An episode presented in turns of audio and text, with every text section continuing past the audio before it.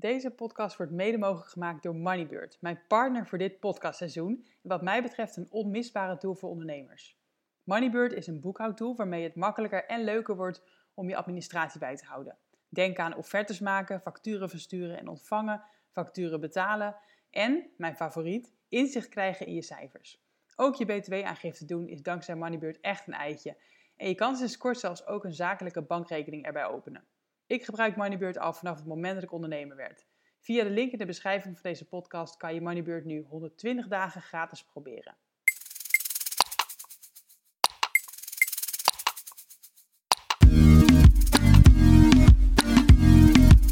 Super tof dat je luistert. Welkom bij een nieuwe aflevering van de Vrije Meid podcast. Mijn naam is Suzanne van Duin en ik help jou naar een vrij leven. In deze podcast leer je meer over online ondernemen, persoonlijke ontwikkeling en financiële vrijheid. Benieuwd hoe ik je verder kan helpen? Stuur me vooral een berichtje. Veel luisterplezier vandaag.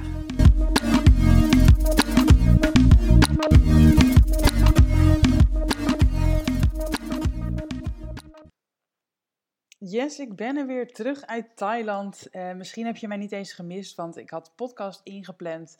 Dus er kwam gewoon elke week een podcast online vanuit Thailand. Maar ik ben er nu weer echt live. Uh, ik heb zelf dus een maand niet gepodcast. Dus uh, ik moet weer eventjes uh, wennen. Maar ik heb me goed voorbereid, want deze podcast gaat over de acht belangrijkste lessen die ik heb geleerd in de acht jaar dat ik ondernemer ben. Vandaag, als deze podcast online komt, 1 februari 2024, ben ik namelijk officieel acht jaar ondernemer. Ik ben stiekem al iets langer ingeschreven bij de KVK, omdat ik naast mijn baan in loondienst uh, ooit ben begonnen met freelancen.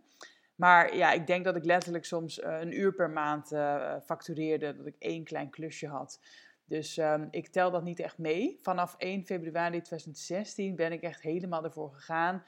Um, is ook mijn baan in loondienst geëindigd en ben ik echt fulltime ja, gaan leven, gaan ondernemen, fulltime gaan leven van mijn eigen business. Dus uh, vandaag precies uh, acht jaar lang. En uh, nou ja, misschien als je me al langer volgt, dan heb je een beetje mijn reis meegekregen. Maar ja, ik heb best wel veel gedaan de afgelopen acht jaar. Heel veel verschillende dingen gedaan.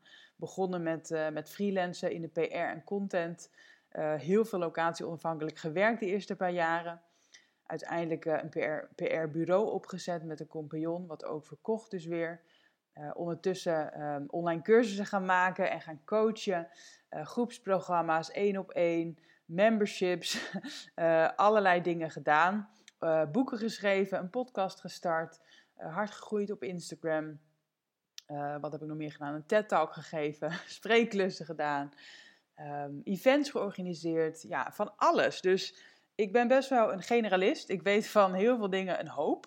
En tegelijkertijd uh, heb ik ook een aantal specifieke dingen waar ik helemaal gewoon ja, voor sta. En wat wel echt helemaal ja, mijn ding is, zeg maar.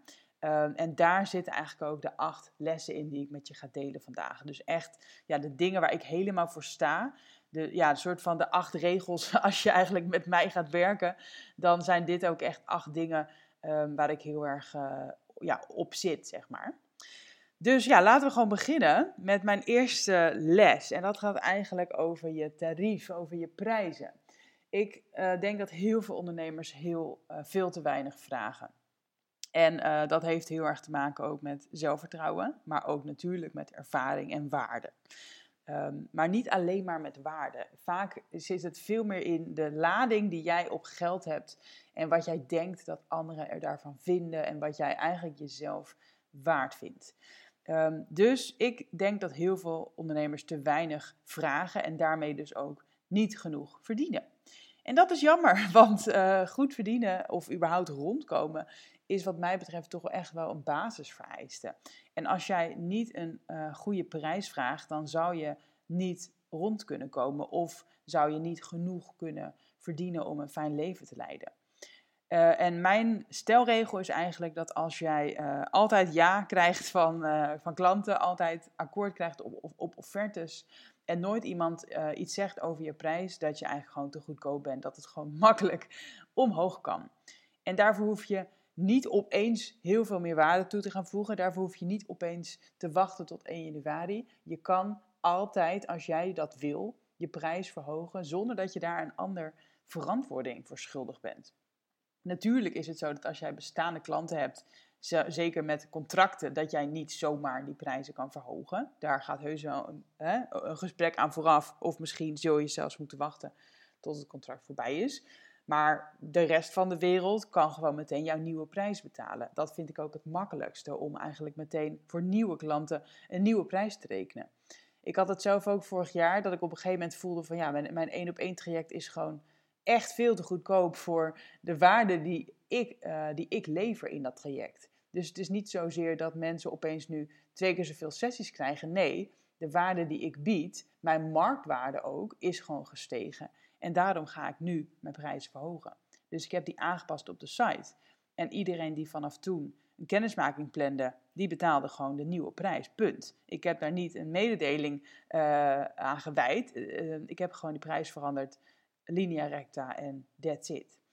Um, maar dat komt wel omdat ik ook heel erg geloof in mijn eigen waarde en ook het zelfvertrouwen heb om dat dan te doen en echt achter die prijs kan staan. En die oude prijs die voelde gewoon echt niet meer goed. Um, dus ja, dat, dat komt er natuurlijk wel bij kijken. Sowieso adviseer ik nooit om met een uurtarief te werken. In het begin heb ik dat ook gedaan. Heb ik een uurtarief gehad. Ik ben begonnen volgens mij met 50 euro per uur. Um, maar ik merkte al heel snel van ja, je hebt natuurlijk nooit voor 40 uur per week declarabel werk. Dus dat is meteen ook een les. Ga nooit uit van 40 uur declarabel werk, want je hebt ook andere uren. En je wilt ook helemaal niet de hele dag werken en je bent ook nooit 8 uur per dag productief. Dus uh, ik ga eerder uit van bijvoorbeeld de helft van mijn uren dat ik die declarabel kan werken. Dus als jij dan 20 uur per week bijvoorbeeld declarabel kan werken voor 50 euro per uur, ja, dan ga je nooit boven de 4000 euro omzet uitkomen. En als je ook nog wat kosten hebt en je hebt nog belasting te betalen, dan ga jij nooit een, een lekker salaris eruit kunnen halen. Dan ga je nooit lekker kunnen sparen en beleggen. Dus um, hè, je komt er gewoon niet met 50 euro per uur. En natuurlijk moet je ergens beginnen. Dat heb ik ook gedaan. Ik ben ook begonnen met 50 euro per uur. Maar ga niet vijf jaar wachten totdat ik weer uh, verhoogd kan worden. Ga niet van 50 naar 55. Ik heb uiteindelijk mijn prijs verhoogd van 50 naar 75. en niemand uh, die daarover viel. Uh, en misschien, nou trouwens, misschien dus dat er wel een klant over viel. Maar dat is dan jammer. Want ik sta achter die nieuwe prijs. En dan is het tijd om die klant los te laten. En dan is het tijd om nieuwe klanten aan te trekken die dat wel willen betalen. Um, ik ben op een gegeven moment ook uh, vrij snel afgestapt van het uurtje-factuurtje model, omdat ik merkte dat ik best wel snel werkte en ook steeds beter werd in mijn werk, waardoor ik überhaupt sneller werd. Maar met een uurtarief uh, heb je dan alleen jezelf ermee. Want als jij uh, 50 euro per uur kost uh, en je moet een uur werken voor iets, en op een gegeven moment kan je dat in een half uur omdat je sneller bent geworden, dan kan je nog maar 25 euro factureren. Dus het is helemaal niet handig überhaupt om je te laten betalen in je tijd. Um, ga gewoon een vast bedrag rekenen voor het werk wat je levert. En als je sneller wordt, heb jij dus zelf de winst. En het zou je klant een worst wezen hoe lang jij bezig bent, zou ik zeggen. Um, sowieso ben ik op een gegeven moment afgestapt van echt puur tijd verkopen. Want ook al werk je met een pakketprijs, uh, als jij bijvoorbeeld um, ja, een persbericht schrijft, dan ben je nog steeds je tijd aan het verkopen. Want het is iets wat jij hè, moet gaan doen. Jij moet dat ding schrijven. Uh, dat kost tijd. Als jij niet het persbericht kan schrijven, dan komt er ook geen geld binnen. Dus um, op een gegeven moment ben ik afgestapt van tijd verkopen. En dat is eigenlijk meteen les 2. Mijn les is eigenlijk om niet één op één die tijd te verkopen. Dus niet zozeer uurtje, factuurtje te werken, maar ook niet per se een pakketprijs te rekenen, maar vooral iets te bedenken wat iets meer schaalbaar is dan jouw eigen uurtjes. En dan kan je denken natuurlijk aan online trainingen, um, online cursussen, online programma's, uh, e-books, geef het een naam. Iets met online producten, wat, um, waardoor jij eigenlijk onbeperkt kan verkopen in theorie, zonder dat jij zelf meer uren moet gaan maken. Maar ik zeg in theorie, omdat je natuurlijk wel de klanten ervoor moet hebben en vaak het bereik en de autoriteit ervoor moet hebben. En hè, er ook marketing voor moet worden gedaan. En het is dus niet rooskleurig dat als jij een online product maakt, dat het allemaal vanzelf gaat. Dat wil ik even meegeven.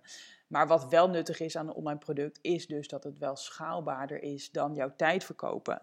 En dat je dus kan overwegen om um, ja, iets meer schaalbare producten te gaan verkopen, zodat jij niet continu alleen maar uh, zelf harder in dat hamsterwiel aan het rennen bent.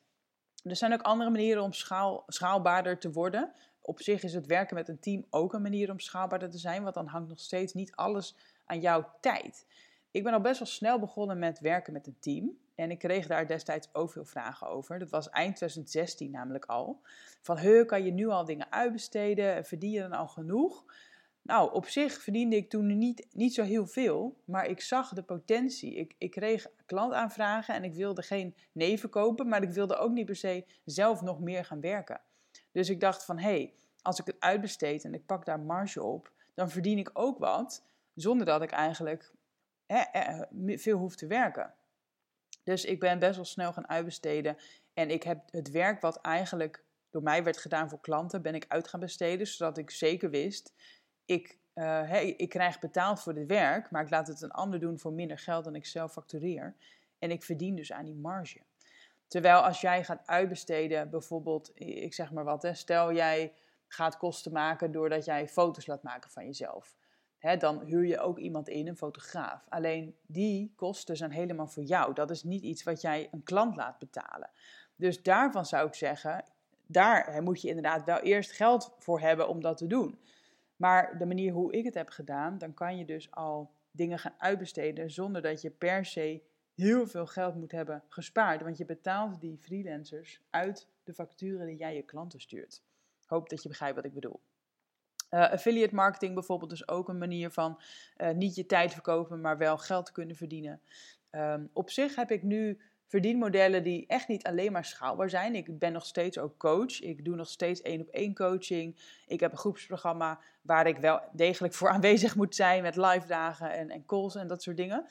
Alleen um, de waarde die ik bied en mijn, mijn waarde is gewoon zo verhoogd dat ik hogere prijzen kan vragen voor die tijd. En uh, het is niet zo dat ik niet uh, kan factureren als ik um, uh, hè, een keer wat langer of korter voorbereid. Dus in die zin is de prijs van het traject niet gebonden aan een aantal uren. Uh, en kan ik relatief hoge prijzen vragen voor, de, voor een, de tijd die het mij kost. En dat is het gevolg natuurlijk ook van even bezig zijn en een bepaalde bekendheid hebben en een bepaalde waarde kunnen bieden. Um, sowieso is het heel relaxed om trajecten te verkopen, omdat je weet waar je aan toe bent. Um, en je kan elke maand factureren, uh, ook als je die maand misschien uh, een week op vakantie bent. Terwijl met een uurtje factuurtje, als ik dan een week op vakantie was, had ik gewoon een week minder te factureren.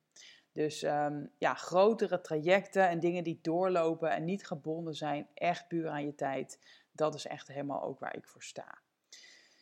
Um, lange termijn. Wie zaait zou oogsten? Dat is ook echt een les, les nummer drie, die ik met je wil delen. Uh, ik heb het gevoel dat we tegenwoordig allemaal snel willen. Kijk, ik natuurlijk ook. Ik wil ook het liefst uh, vandaag uh, mijn omzetdoel halen voor de rest van het jaar. Dat, hè, wie wil dat niet? Alleen, ja, zo werkt het nu eenmaal niet. Ik geloof niet echt in shortcuts. Natuurlijk zou ik met de kennis van nu hè, dingen anders doen. Als ik nu opnieuw moest beginnen, hè, dan heb ik acht jaar aan ervaring die ik meeneem. Dus natuurlijk gaat het dan sneller. Maar daar ben ik alleen maar gekomen door die acht jaar ervaring.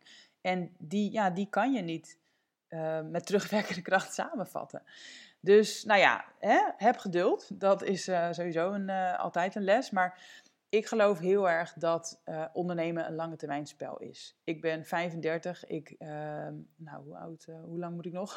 ik moet nog zeker, denk ik, 35 jaar werken. Dus het hoeft niet allemaal nu. Het hoeft niet allemaal nu. Het is echt dingen die moeten groeien als jij zichtbaar gaat zijn, dan ga je niet na een week een autoriteit zijn. Dan ga je niet na een week duizend volgers hebben. Dan, mensen kennen je niet meteen en mensen zijn niet meteen warm om te kopen van je. Dat kost echt tijd. En dat ligt niet aan jou. Dat ligt aan het feit dat dingen tijd kosten.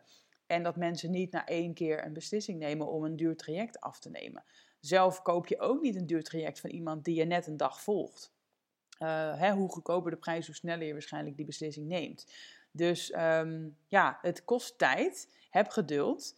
En het is ook juist fijn om te investeren in de lange termijn. Want lange termijn dingen zijn vaak um, dingen die opbouwen en die doorwerken als jij een tijdje er niet bent. Neem bijvoorbeeld Instagram. Op het moment dat jij zichtbaar bent op Instagram, dan kan je vandaag nog een klant bereiken. Dan kan je vandaag nog een potentiële klant bereiken. als je zichtbaar bent, dan zien mensen je vandaag. Maar niemand bekijkt mijn Instagram content meer uh, volgende week die ik vandaag post. Instagram is een heel erg korte termijn middel. Alles wat je vandaag post is eigenlijk morgen oud nieuws. Stories zijn morgen weg, maar ook je post en je reels worden na een paar dagen eigenlijk al niet meer gezien en geliked. Dus het is heel erg korte termijn. Zeg niet dat het niet kan werken. I love Instagram. Alleen weet dat het een korte termijn kanaal is waar je niet van profiteert op de lange termijn als je niks meer doet.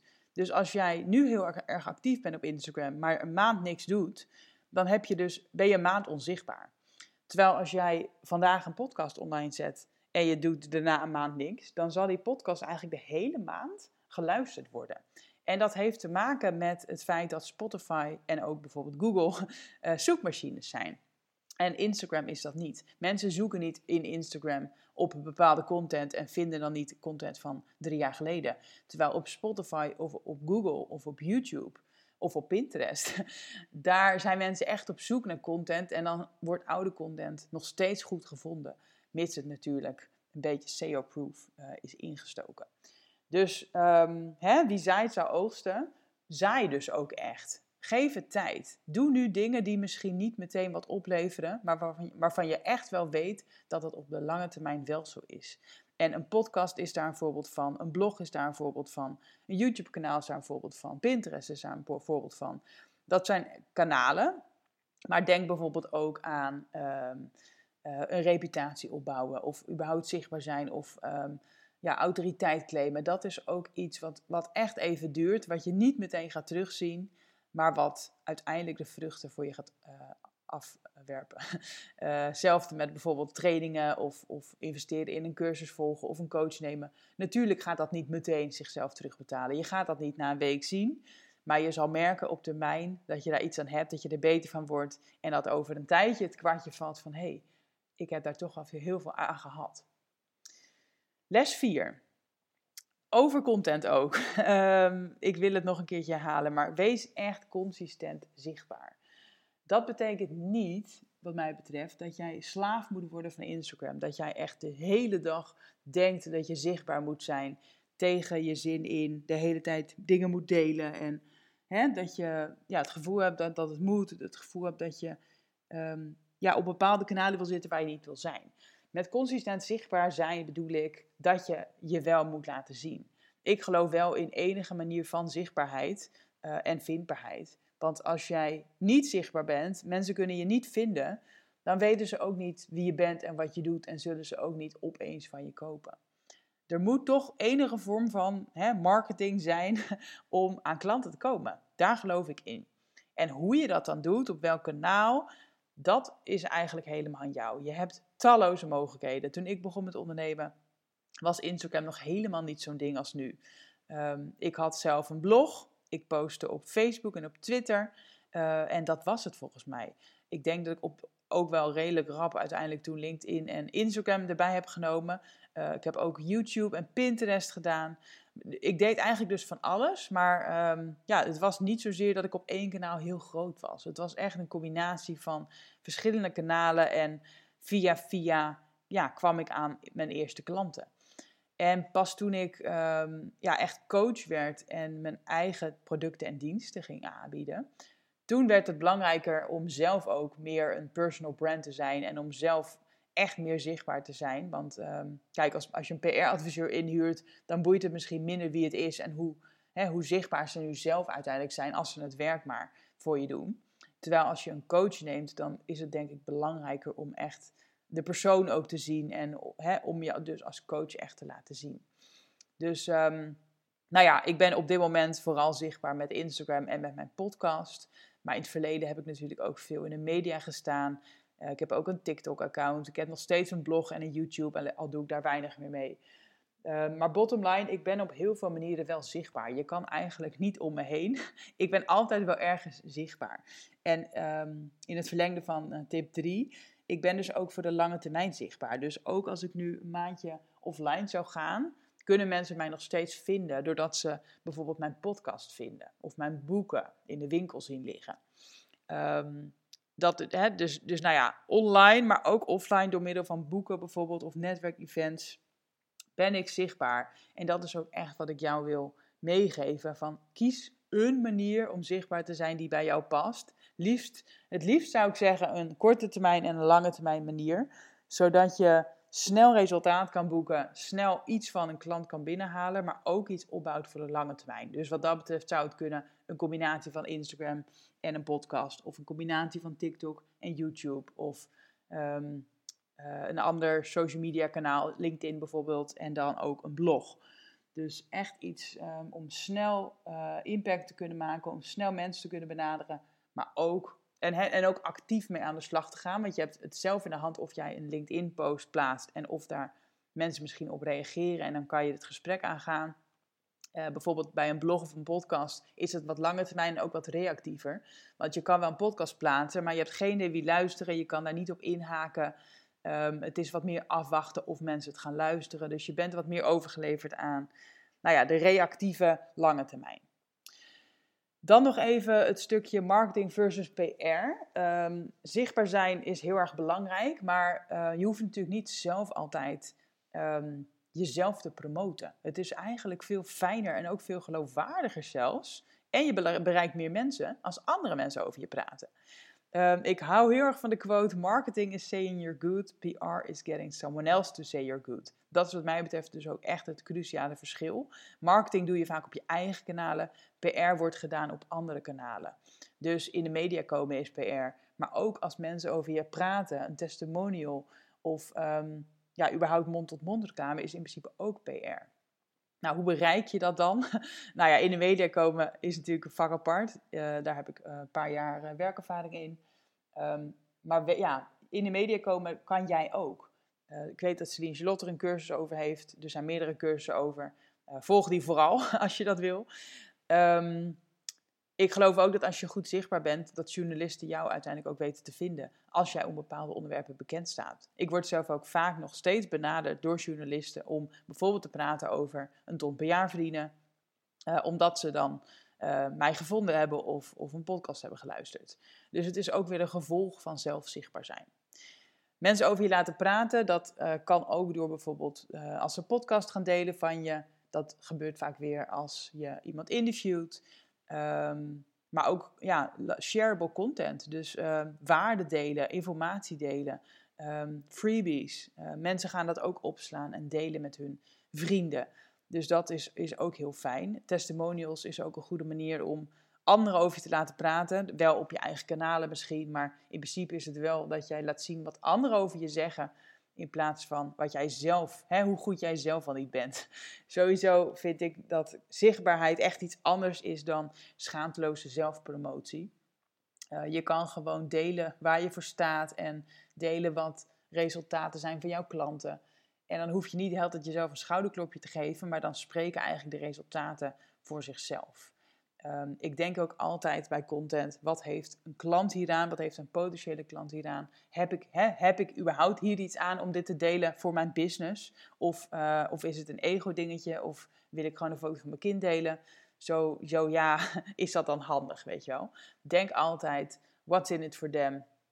Um, en wees natuurlijk niet alleen maar zichtbaar om het zichtbaar zijn, maar uiteindelijk ben je zichtbaar om klanten binnen te halen, om leads binnen te halen. Dus maak ook regelmatig een bruggetje naar je aanbod. Uh, en doe een call to action om bijvoorbeeld met je te bellen of om een bepaalde salespagina te bekijken.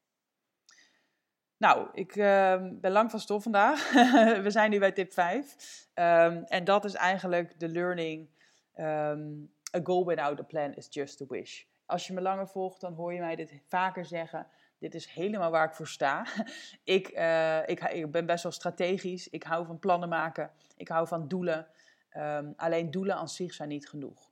A goal without a plan is just a wish. Dus je kan wel wat willen, maar met alleen willen kom je er niet, wat mij betreft. Ik ben echt ook wel deels spiritueel geworden de laatste jaren. Maar um, ja, met alleen denken en, en, en hè, fantaseren en, en affirmeren geloof ik niet dat je er komt. Ik geloof ook echt in actie. En wat mij betreft is manifesteren ook de definitie uh, hè, affirmeren en actie. Dus make a plan. Uh, denk het uit. Stel jij hebt als doel om ook een ton omzet te draaien dit jaar. Nou, hartstikke leuk, maar maak het dan concreet. Hoeveel omzet is dat per maand? Hoeveel klanten zijn dat per maand? En hoe kom jij dan aan die klanten? Weet wat je moet doen om aan die klanten te komen. En ja, houd je dan natuurlijk ook aan dat plan. Ga het dan ook echt doen. En dat is eigenlijk waar het vaak fout gaat. waar ik het vaak zie fout gaan, is dat mensen zich niet aan hun eigen plan houden. Het gaat niet goed, ze raken gedemotiveerd, ze stoppen ermee, ze verzinnen excuses om iets anders te doen, ze raken afgeleid door nieuwe dingen. Ehm, ze wijzigen tussentijds de strategie of ze, of ze wijzigen het doel. Of ze zijn er gewoon überhaupt niet mee bezig, ze vergeten het. En ja, als je met mij werkt, dan, dan ga je het niet vergeten. Dan ga ik je echt committed houden om aan je doelen te blijven denken. Om de acties uit te voeren die jij moet doen en die jij hebt gezegd dat je gaat doen. En om bij te sturen als het niet goed gaat. Natuurlijk gaat het niet in één keer goed. Wat denk jij? Bij mij ging het ook niet in één keer goed. Dat is helemaal niet erg. Stuur bij. En ik denk dat als jij ja, duidelijk hebt wat jij moet doen, ehm, dat jij een stok achter de deur hebt. Ik denk dat veel mensen gewoon niet zo goed weten wat ze nou moeten doen. En dan is het heel erg lastig, want dan heb je het gevoel dat je een beetje aan het spartelen bent en ja, een beetje zwemmen zonder bandjes van ja, wat ben ik nou eigenlijk aan het doen? Uh, ik weet altijd heel goed wat ik moet doen en waar, waar ik dus de focus op leg, zowel qua doel als qua acties die daarbij horen. Um, maar goed, nog even over het plan volhouden. Ik denk dat mindset daar heel erg belangrijk in is. Uh, de commitment uh, en het geloof ook dat jij je doel kan behalen en dat jij je doel gaat behalen. Um, daarvoor is het natuurlijk key om belemmerende overtuigingen te overwinnen, om ook die mindset sterker te maken. Nou, daar heb je ook wel allemaal tools voor, maar daar ga ik nu niet over uitweiden. Um, zoek hulp als jij weet dat jij snel afgeleid raakt. Als jij niet zelf je doelen gaat halen. Als jij het lastig vindt om een plan te maken en om meer eraan te houden. Um, ik zou altijd aanraden om dan hulp te zoeken. Want waarom, ga je, hè, waarom, waarom zou je het alleen moeten doen? Dat hoeft helemaal niet. Het is niet falen als jij hulp zoekt. En natuurlijk kost dat geld. Um, maar ja, dan haal je als het goed is ook je doel. En in je eentje niet. En wat mij betreft is dat geld het dus waard. En moet je soms een investering maken om er uiteindelijk natuurlijk meer aan te verdienen. Um, rolmodellen zoeken helpt ook om te geloven dat je het kan, maar ook om te kijken hoe zij het hebben gedaan. Um, en last but not least, doe wat je leuk vindt, want alleen dan ga je het volhouden. Doe het echt niet alleen voor het doel, want uh, de vreugde van het halen van een doel is echt heel erg kort, terwijl het halen van een doel duurt vaak veel langer. Dus doe alsjeblieft iets wat je leuk vindt, zodat je het ook makkelijker volhoudt. En dan is het doel halen vooral een gevolg van doen wat je leuk vindt en impact maken. Dit is ook echt iets waar ik helemaal, um, ja, wat ik helemaal omarm in de Tondernemers-tribe. Ik heb uh, een Tondernemers-tribe, die start eind maart weer.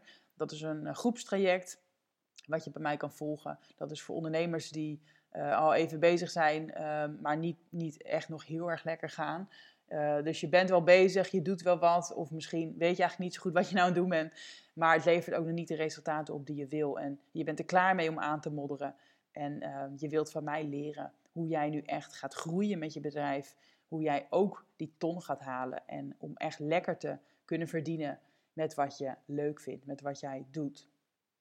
Ik zal een linkje in de show notes zetten naar de tribe. Dan kan je kijken en een kennismaking met mij plannen als je uh, mogelijk interesse hebt. Uh, learning 6, dat is toch wel sturen op cijfers. Ik had net al een kleine sneak peek um, gedaan, hè, want het goal without a plan is just a wish. Dat neigt voor mij al een beetje naar sturen op cijfers. Uh, strategisch zijn, um, maar um, ik zal er iets meer over vertellen. Sturen op cijfers, wat mij betreft, is dat key in je bedrijf. Uh, cijfers zeggen zoveel. Je hebt zoveel data tegenwoordig waar jij iets uit kan halen als het goed is. Uh, misschien vinden sommige mensen het saai om naar cijfers te kijken, of ze kijken wel, maar ze weten niet goed wat, ze, wat het nou zegt. Nou, ook daar kan je weer hulp bij uh, krijgen natuurlijk. Daar geef ik ook hulp bij. Um, wat mij betreft zijn cijfers en data en statistieken zijn dat echt indicatoren um, hoe het met mijn business gaat. Dus ik kijk elke maand naar mijn cijfers en dat zegt voor mij hoe het met mijn business gaat. Ik kijk naar mijn cijfers en ik zie bijvoorbeeld een getal staan, een omzetgetal, en dan denk ik, hé, hey, het gaat lekker. Of ik zie een slechte omzet en denk ik van, hé, hey, het gaat niet zo goed. Um, en mijn cijfers vertellen me dan eigenlijk waarom dat zo is. Dus als ik een goede omzet heb, dan kijk ik van, hé, hey, hoe kan dat? Hè? Wat voor verdienmodellen had ik? Um, hoeveel klanten had ik dan? En waarom heb, ik, waarom heb ik deze maand zoveel klanten? Wat heb ik gedaan om aan die klanten te komen? Hoe kwamen ze bij me? En dat verklaart dan waarom het goed gaat. En dan weet ik, hé, hey, dit ga ik vaker doen. En andersom ook, als ik een niet zo goede omzet heb, of ik heb wel een goede omzet, maar ik heb een, bijvoorbeeld een slechte winst, dan kijk ik ook van hé, hey, hoe kan dat? Had ik veel kosten? Waarom dan? Was dat nodig? Of was mijn omzet gewoon heel erg laag? En waarom had ik weinig klanten? Wat heb ik eigenlijk niet gedaan? Uh, waarom ik nu geen klanten heb? Of wat heb ik gedaan, maar had dus geen effect? En ook daar kan je weer veel van leren, want het betekent dat je dus kan stoppen met bepaalde dingen. Of bepaalde dingen kan vervangen door andere dingen. Dat is heel nuttig, omdat je je tijd um, heel nuttig wil besteden. Ik werk momenteel nog maar 3,5 dag per week. En ik wil dus dat alles wat ik doe, dat dat effect heeft. Dat ik niet aan het aanmodderen ben, dat ik niet tijd aan het verspillen ben. Dat wilde ik nooit, maar zeker niet nu ik moeder ben en weinig tijd heb. En ja, wel meer wil verdienen in minder tijd. Dus nou ja, cijfers zijn voor mij um, heel erg belangrijk. Neem niet weg dat ik natuurlijk ook niet naar mijn gevoel luister. Want uh, ik ben niet een slaaf van mijn cijfers. Het is niet dat ik alleen maar doe wat werkt. Ik volg ook mijn gevoel. Dus kijken naar cijfers is wat mij betreft heel erg belangrijk, aanvullend. Kijken naar je gevoel. Als jij iets doet wat werkt, maar je hebt er absoluut geen lol in, ja, natuurlijk moet je er niet mee doorgaan. dus um, dat wil ik wel even gezegd hebben. Um, nou, misschien nog even over cijfers. Um, kijk, het is belangrijk om als jij consequent een goede omzet wil draaien, hè, dat het geen toevalstreffer is, dan is het goed om te weten wat je nu precies doet, zodat je grip krijgt op die business, grip krijgt op die groei. Um, en ook consequent nieuwe klanten binnenhaalt en consequent nieuwe leads binnenhaalt. En daarvoor moet je vaak consequent zichtbaar zijn. Um, dat is anders wanneer jij doorlopende klanten hebt. Kijk, als freelancer had ik heel veel doorlopende klanten en was het eigenlijk veel minder van belang dat ik zo ontzettend zichtbaar was. Natuurlijk is het nog steeds handig om zichtbaar te zijn, want ook voor de lange termijn wilde ik nieuwe klanten binnenhalen en was dat fijn. Maar ik merk nu, nu ik producten heb waar ik um, eigenlijk die schaalbaar zijn en waar ik dus meer en meer klanten voor wil, dat het handig is om wel continu zichtbaar te zijn en nieuwe leads binnen te halen. Um, maar dat is dus helemaal afhankelijk van je business natuurlijk, hoe belangrijk het is om zichtbaar te zijn. En um, daarom ben ik ook tegenwoordig wat minder generaliserend, want ik geloof juist heel erg dat je moet kijken naar wat voor jou werkt, wat bij jouw business past en vooral wat bij jouw doelen past. En daarover gaat um, ook uh, tip 7, of learning 7 eigenlijk, dat vrijheid voor mij het allerbelangrijkste is. En dat ja, waarschijnlijk jij ook bent gaan ondernemen voor vrijheid. En dat je dus geen slaven wordt van je eigen bedrijf of van jouw cijfers of van jouw klanten. Je wilt echt de regie houden en on top zijn. Uh, ondernemen op jouw eigen voorwaarden. En dat is bij mij echt waarom ik ben begonnen voor mezelf, maar ook nog steeds. Vrijheid is en blijft het belangrijkste. En uh, als dat voor jou ook zo is, dan raad ik je aan om regelmatig die definitie van vrijheid opnieuw op te schrijven. Dus wat betekent het nou echt voor jou? Wat wil je uit het ondernemen halen? Wat, is, eh, wat betekent ondernemen op jouw eigen voorwaarden voor jou? Wat zijn dan die voorwaarden? Nou, ik heb zelf een aantal ja, voorwaarden eigenlijk waarin ik, ja, waaraan mijn business moet voldoen. En dat staat echt op één. Dus in het begin was dat bijvoorbeeld dat ik echt altijd locatie onafhankelijk wilde zijn. Dus um, als ik een goed betaalde klus voorbij kreeg, maar het was op kantoor ergens, dan zei ik nee. En dat is dus ook weer gevoel of hart eigenlijk versus hoofd en gevoel versus, versus ratio. Ik luister niet altijd naar de cijfers. Ik doe niet altijd wat zogenaamd het slimste is of het lucratiefste is, maar vooral wat dus mij het meeste vrijheid oplevert, wat bijdraagt aan mijn doelen. En dat zijn niet alleen mijn financiële doelen. Ik heb ook veel meer doelen dan dat. Maar mijn financiële doelen zijn onderdeel eigenlijk weer ook van die grotere doelen. Vrijheid is voor mij het belangrijkste en genoeg geld hebben is ook onderdeel van vrijheid voor mij. Als ik niet genoeg geld heb, voel ik mij niet vrij. Dan kan ik niet doen wat ik wil. Dus genoeg geld verdienen is een middel. Genoeg geld verdienen is een voorwaarde voor mij voor vrijheid. En um, nou ja, mijn financiële doelen en sturen op cijfers is dus echt een middel om uiteindelijk blij te worden. En blijf je business ook regelmatig toetsen daaraan. Van maakt dit mij nog blij? Leidt dit nog hè, tot, tot het doel wat ik echt wil halen? Waar doe ik het ook weer voor? Dus ja, locatie onafhankelijk zijn was voor mij altijd echt een voorwaarde. Nog steeds wat deels, maar ik ben ook vaak in Nederland nu. Dus het is wat minder belangrijk om altijd onafhankelijk te zijn van locaties nu. Ehm, maar genoeg geld verdienen is dus ook een voorwaarde voor mij. Ik doe niet iets wat ehm, slecht betaalt, tenzij het me weer iets anders oplevert. Ehm, ik kijk altijd of de tijd nuttig besteed wordt, of ik daar iets uithaal. Of ik qua geld, maar ook uh, plezier en impact. Dat is allemaal vrijheid voor mij. En dat kan voor jou anders zijn. Dus check vooral regelmatig wat is vrijheid voor mij en draagt mijn business daar nog aan bij draagt wat ik doe bij aan het halen van mijn doelen.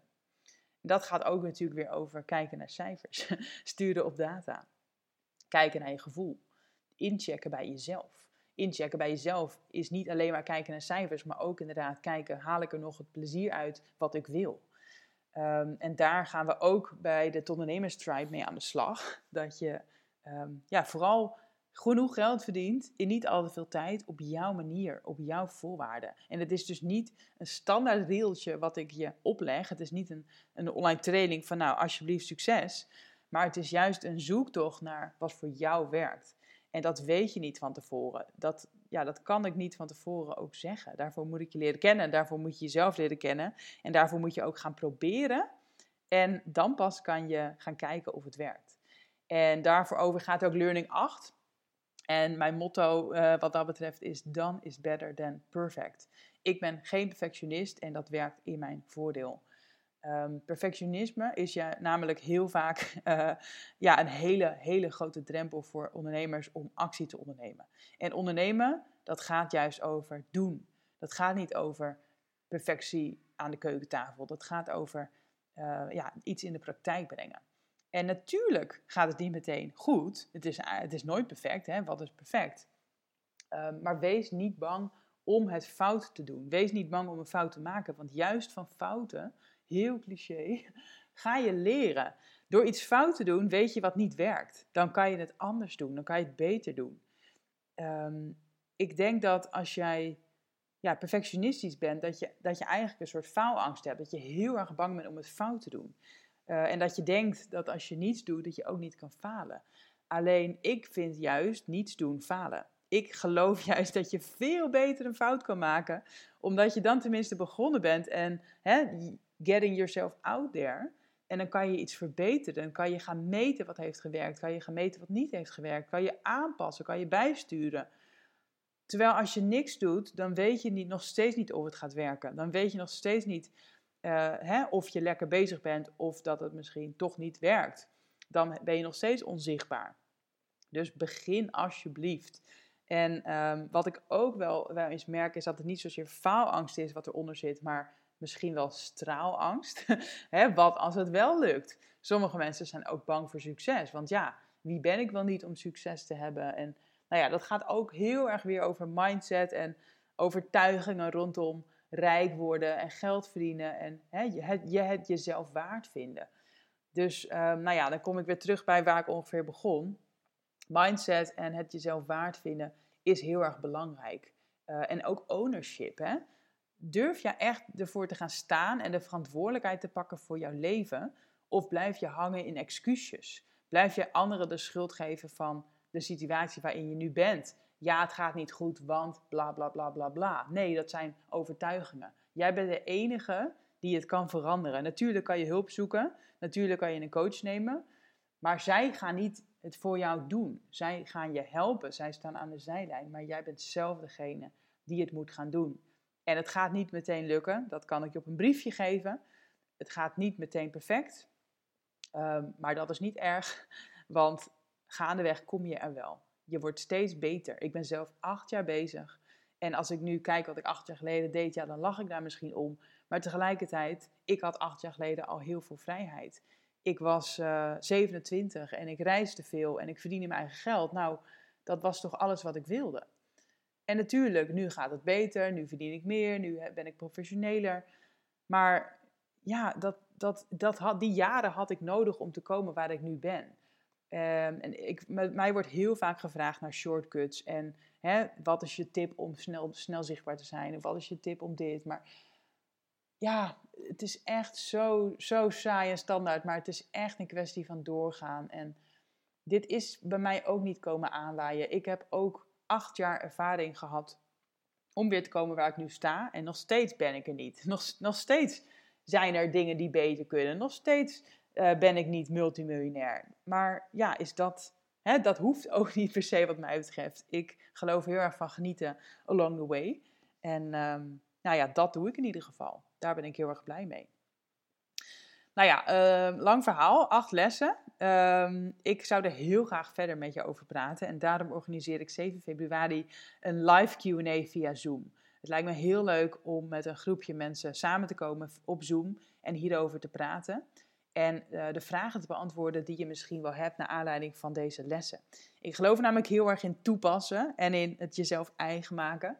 En puur deze lessen, ja, hè, dat, dat, dat is theorie. Maar hoe gaat dat in de praktijk? Hoe pas jij het toe? Waar liggen jouw fouten? Waar hè, liggen jouw valkuilen? En hoe kan ik jou ermee helpen om deze lessen op jouw situatie te gaan toepassen? Daar zou ik heel graag met je over praten in de live QA op 7 februari. En ik zal een linkje in de show notes zetten. Uh, het is gratis, uh, omdat ik dus acht jaar ondernemer ben. Um, en het is dus woensdag, komende woensdag om 4 uur s middags op 7 februari. Ik denk dat we max uh, een uur gaan praten hierover. En je mag mij echt alles vragen over ondernemen, over de lessen die ik heb gedeeld, hoe jij dat toepast, maar ook nou ja, als je andere vragen hebt over ondernemen, uh, be my guest, dan mag je die ook stellen. Meld je even aan via de link dus in de show notes. Dan uh, ontvang je de link voor de Q&A in je mailbox. En dan kan je mij ook een vraag toemailen als je die hebt, zodat je zeker weet dat ik die als eerste ga beantwoorden. Uh, want ik ga dus een uur maximaal live. Ehm, dus als jij ja, je vraag niet vooraf stelt, dan weet je niet zeker of die misschien beantwoord kan worden door mij. Nou, dan wil ik je danken voor het luisteren naar deze redelijk uitgebreide podcast over mijn acht belangrijkste lessen, learnings na acht jaar ondernemen. Nog even een resume. Dus hè, tarief omhoog en afstappen van het uurtje-factuurtje model. Uh, überhaupt afstappen van alleen maar tijd verkopen en iets gaan doen wat schaalbaarder is, wat minder afhankelijk is van of je echt aan het werk bent. Um, doe dingen voor de lange termijn. Ga echt voor de lange termijn. Bijvoorbeeld wat betreft content. Dat je niet alleen maar iets doet zoals Instagram, maar ook een kanaal hebt wat, ehm, wat werkt voor jou, wat veel langer, waarvan je veel langer kan profiteren. Consistent zichtbaar zijn op jouw manier. Hè? Wees er wel. Uh, je hoeft niet de hele dag op stories te zitten of je hoeft niet de hele dag reels te maken, maar zorg dat er een kanaal is waar je je goed bij voelt en waar je jezelf wel laat zien en dat anderen ook over jou gaan praten. Uh, a goal without a plan is just a wish. Heb een doel, maar heb ook een plan om dat uit te voeren. En uh, zorg ervoor dat je dat ook uitvoert. Zoek hulp als dat niet alleen lukt. En stuur op cijfers. Kijk naar je data. Kijk naar je statistieken. Kijk naar je omzet. Kijk naar je, naar je kosten. Kijk, kijk naar de cijfers. Uh, maar ook natuurlijk kijk naar je gevoel. Check regelmatig in. Hoe sta ik ervoor? Hoe voel ik me? Draagt wat ik doe bij aan mijn doel? En weet voor jou wat jouw doel is, wat vrijheid voor jou is en wat ondernemen op jouw voorwaarden voor jou betekent. Definieer die voorwaarden en hou jezelf er ook aan. Check ook daar regelmatig weer in. Leidt wat ik doe nog tot, tot hè, wat ik eigenlijk wilde? Of heb ik mezelf een beetje verloren along the way? En tot slot, dan is better than perfect. Doe alsjeblieft. Wees niet bang om te falen. Uh, laat perfectionisme alsjeblieft los. Um, want juist door te doen ga je leren, kan je bijsturen en kan je verbeteren. En dat, ja, dat gaat niet aan de tekentafel. Ik geloof niet in one uh, size fits all. Ik geloof niet in één methode die werkt voor iedereen, want dan hadden we die allemaal. Ik geloof heel erg in doen, testen, meten, bijsturen en weer doorgaan. En blijven doorgaan, volhouden. En dat kan alleen als je doet wat je leuk vindt. Ik zou het heel leuk vinden om je te zien bij de live QA. Dus uh, meld je aan via de link in de beschrijving. En dan zie ik je hopelijk komende woensdag um, ehm, 7 februari om 4 uur middags. Super bedankt voor het luisteren. Ik hoop dat deze aflevering tot inzicht heeft geleid. Laat het me weten. Ik zou het heel leuk vinden als je iets over deze podcast kan delen op social media of een review kan achterlaten. Hopelijk weer tot volgende week bij de Vrije Meid podcast.